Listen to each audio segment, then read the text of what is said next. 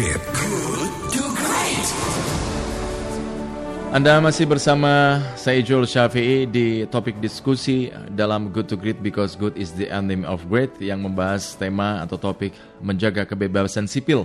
Upaya apa yang mesti dilakukan agar pembungkaman kebebasan berpendapat tidak terjadi lagi di kemudian hari? Ini berkaca dari teror dan intimidasi jelang diskusi daring di Fakultas Hukum UGM Yogyakarta.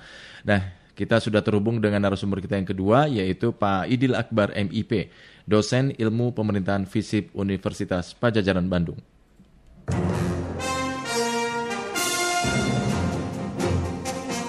Assalamualaikum warahmatullahi wabarakatuh. Selamat pagi, Pak Idil. Waalaikumsalam warahmatullahi wabarakatuh. Selamat pagi Kang Ijul dan sahabat K-Light. Siap, hatur nuhun Pak Idil. Pak ini eh, kita uh, tahu bahwa beberapa hari lalu terjadi intimidasi teror ya terhadap Ya. penyelenggaraan diskusi daring yang diinisiasi oleh uh, Constitutional Law Society atau Komunitas Hukum Tata Negara Fakultas Hukum UGM dan ini batal dilaksanakan. Nah, bagaimana tanggapan Anda uh, Pak Idil? Ya, sebetulnya saya melihat ini dalam dua konteks besar. Pertama, tadi saya juga sempat mendengarkan apa yang disampaikan oleh Prof. Susi. ya. Ya. Eh, dan saya sepakat dengan apa yang disampaikan beliau bahwa ini adalah bagian dari eh, menjaga konstitusi kita di dalam upaya untuk em, tetap pada menjaga hak asasi manusia. Salah satunya adalah kebebasan berpendapat. Mhm, mhm. Nah, kalau saya sih prinsipnya kan sebetulnya adalah undang-undang dasar kita sudah secara clear Mhm. Menetapkan bahwa salah satu hak asasi manusia Indonesia itu adalah kebebasan berpendapat.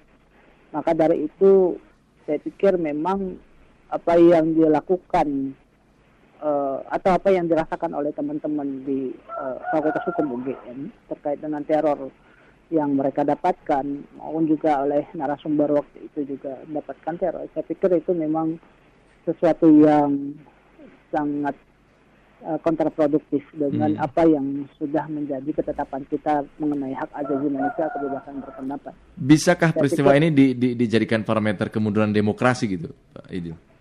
Saya sebut eh, sebelum saya ke sana Hmm. eh, Kang Ijul, Ya, ya. tetapi bagi saya sebetulnya memang eh, indikator mengenai apakah ini eh, akan berkaitan dengan kemunduran demokrasi, saya pikir memang banyak hal yang bisa diukur. Oke. Nah, oke. tapi kaitan dengan ini adalah salah satunya adalah ini akan memang bisa menjadi ancaman bagi demokrasi kita. Mhm. Ketika memang teror-teror tersebut itu tidak secara eh, apa ya, tidak secara langsung direspon oleh aparat keamanan. Mhm. Mereka yang memang eh, bertugas untuk eh, mencegah adanya berbagai aksi-aksi eh, ancaman teror yang mengancam bahkan nyawa seseorang Mhm. Dan dalam konteks demokrasi itu saya pikir akan menjadi penyebab bagi kemunduran jika sekali lagi aparat tidak melakukan segera tidak mengambil segera tindakan yang harusnya dilakukan. Mhm.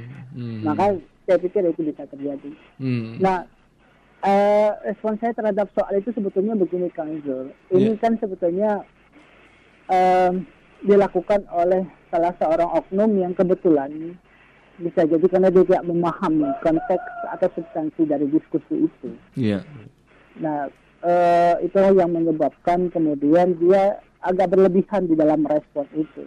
Hmm. Padahal sebetulnya dalam diskusi-diskusi di lingkungan fakultas hukum maupun fakultas ilmu sosial ilmu politik, diskusi seperti ini adalah hal yang biasa saja. Gitu. Mhm.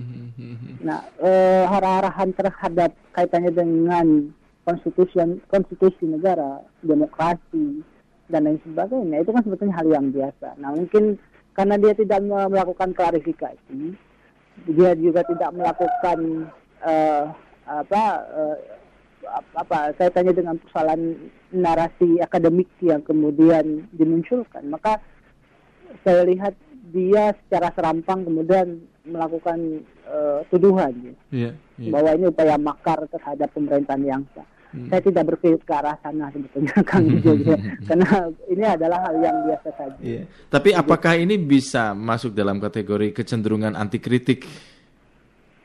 Eh, kalau seandainya itu dilakukan oleh pemerintah, betul.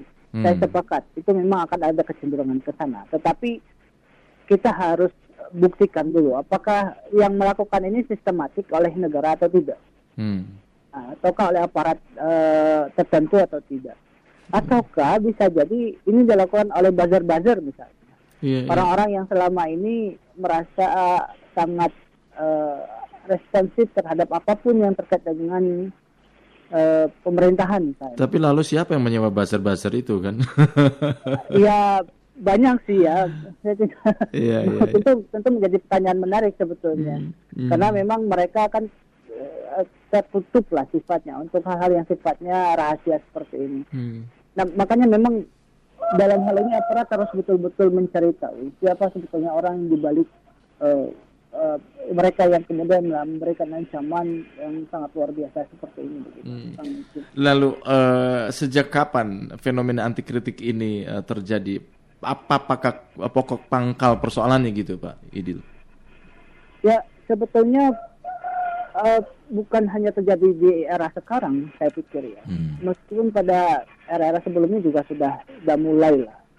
Uh, walaupun problemnya antara ini dilakukan dengan hak politik ataukah soft politik sebetulnya. Mm-hmm. Kalau hak politik, saya pikir memang dengan adanya uh, aturan hate speech itu menjadi salah satu yang kemudian bisa dikatakan atau bisa diperdebatkan menjadi bagian dari pembungkaman berpendapat. Mm. Walaupun uh, ada klarifikasi klarifikasi mengenai soal itu Kang Ijo yeah. bahwa uh, definisi mengenai hate speech itu jelas dan clear hmm. bagaimana dan seperti apa substansi yang terkait dengan hate speech itu. Hmm. Lalu yang kedua adalah uh, soal undang-undang ITE. Hmm. Itu pun saya pikir juga dianggap sebagai salah satu uh, bagian di mana kemudian pembungkaman terhadap berpendapat juga bukan pembukaan maksud saya keterbatasan untuk melakukan berpendapat ya hmm. tetapi uh, dalam konteks itu pun kemudian juga cukup clear jadi uh, intinya Kang Ijul kalau saya melihatnya bahwa uh, pemerintah saat ini berupaya untuk tetap pada koridor uh, menyatakan pendapat itu sebagai hak asasi manusia tetapi mungkin ada problem implementasi kebijakan. Oke. Okay. Yang kemudian uh, sering kali disalahartikan hmm. dan juga disalahgunakan. Hmm. Nah, ini yang terakhir Pak Aidil dari kalangan pegiat demokrasi secara sistematik atau secara sistemik maksud saya, apa yang perlu hmm. kita perbaiki agar tidak terjadi apakah itu pembatasan penyampaian pendapat ataukah pembungkaman baik sekarang maupun untuk masa mendatang gitu Pak? Sebetulnya tidak ada yang perlu kita khawatirkan soal menyatakan pendapat itu mm. kan mm-hmm. karena setiap orang uh, secara individual kan sudah jelas di dalam undang-undang dasar itu yeah. setiap orang punya hak untuk menyatakan pendapat yeah. uh, secara bertanggung jawab. Tapi itu kenyataannya sering kali ini menjadi uh, nah, itu, persoalan. Itu yang jadi persoalannya kemudian. Uh, jadi saya pikir tidak harus terlalu lebay lah ya untuk kemudian menanggapi atau merespon berbagai isu-isu yang terjadi di masyarakat uh, yang kaitannya dengan kebebasan berpendapat, apalagi kaitannya juga dengan kebebasan akademik. Iya, iya, iya. Dan itu menurut saya kontraproduktif sekali lagi dengan uh, substansi undang-undang konstitusional hmm. kita. Baik. Jadi untuk ke depan uh, dalam hal ini ya, kalau saya memberikan sedikit uh, saran untuk pemerintah adalah ya biarkan uh, apa berbagai diskusi-diskusi akademik itu muncul. Mm-hmm. Mm-hmm. Karena dari situlah kemudian justru akan muncul berbagai uh, solusi-solusi yang justru akan lebih memperkuat pemerintahan itu sendiri menurut saya sih. Hmm. Baik. Hmm. Pak Edil terima kasih atas diskusinya pagi ini Pak Edil. Sama-sama. Selamat pagi, sukses untuk Selamat Pak Aidil. Pagi. Iya. Assalamualaikum warahmatullahi wabarakatuh. Demikian sahabat kelat Pak Aidil Akbar MIP, dosen ilmu pemerintahan FISIP Universitas Pajajaran Bandung.